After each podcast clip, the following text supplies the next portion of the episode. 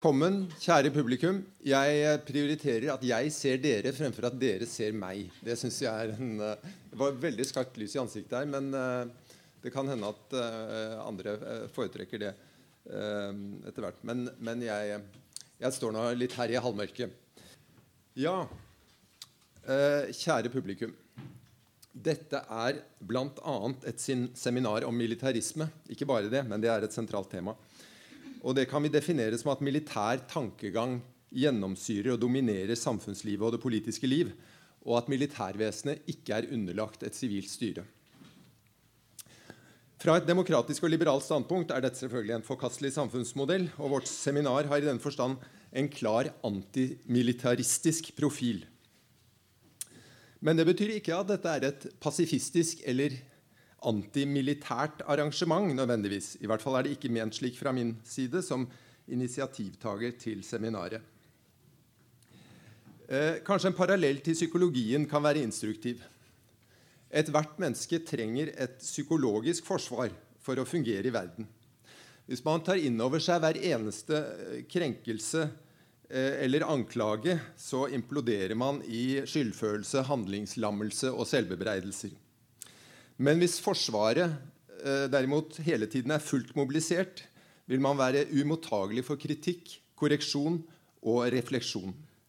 Sanseapparatet og tenkeevnen sløves, eller rettere sagt det skjerpes i innretning av utelukkende å være på vakt mot trusler, utfordringer, fornærmelser og svare på disse med kontante motangrep. Demokratiet er en form for kollektiv selvrefleksjon og selvkritikk, hvor motsetninger får lov å spille seg ut.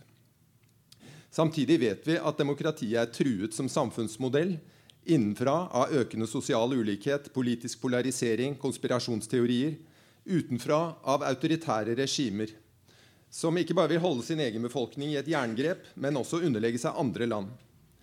I dag er det Russland som representerer den mest akutte ytre trussel mot andre europeiske lands territoriell integritet og politiske system. Putins regime har aktivt søkt å undergrave demokratiet i andre land for å svekke og splitte sine fiender eller motstandere, og for at ikke deres egen befolkning skal bli fristet av nabolandenes friere samfunnsmodeller. Det er en av grunnene til at vi etter de flestes oppfatning trenger et militært forsvar også i Norge. Og et militært forsvar må nødvendigvis bygge på en del holdninger og rutiner som ikke er spesielt demokratiske.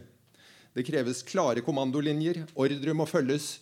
Det kreves disiplin og enhet og evne til hurtig og effektiv handling i farlige situasjoner.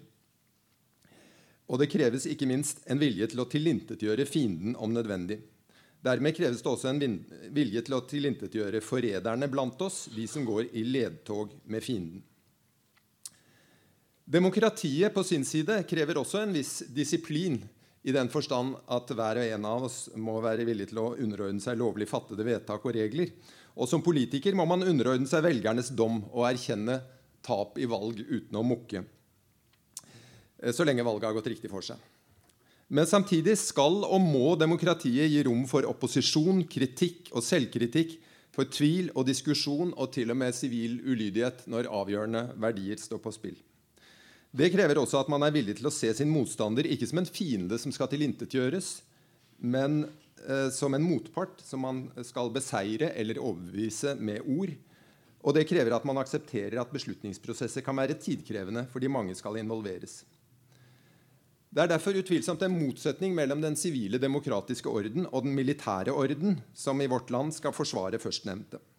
Hvis den militære krisemaksimeringen går langt nok, vil indre opposisjon fort bli sett som undergraving eller endog forræderi. Utenrikspolitikken kan på sin side bli preget av paranoia og kanskje en vidtgående vilje til å underkaste seg en beskyttende makts myndighet. I klartekst underkastelse under USA for å unngå underkastelse under Russland. Men skal man forsvare seg de, mot de høyst reelle truslene mot en imperiemakt som tørster etter å gjenvinne sin storhet, som ikke viser noen respekt for menneskeliv eller internasjonale normer, da må man også være villig til å gå i kampmodus. Hvis man satser på en dialog med en motpart som konsekvent krever dominans, da har man tapt kampen for demokratiet før den har begynt. Kampen for demokratiet kan innebære en kamp mot ytre fiender, men det er også en kamp med oss selv for at vi begynner å ligne på den tyrannen vi bekjemper. Og det er det dette seminaret vil belyse med historiske eksempler. Altså hvordan militærmaktens dominans kan korrumpere demokratiet. Så Derfor er det innledningsvis verdt å minne om at dette er et reelt dilemma. Slik verden er, må et fritt samfunn kunne mobilisere en kampvilje for å kunne bestå. Men et samfunn som preges av et altoppslukende fokus på kampen selv, det er ikke lenger fritt. Og da begynner vi med de sivilmilitære relasjoners klassiske syndefallshistorie, som er republikkens fall i Roma.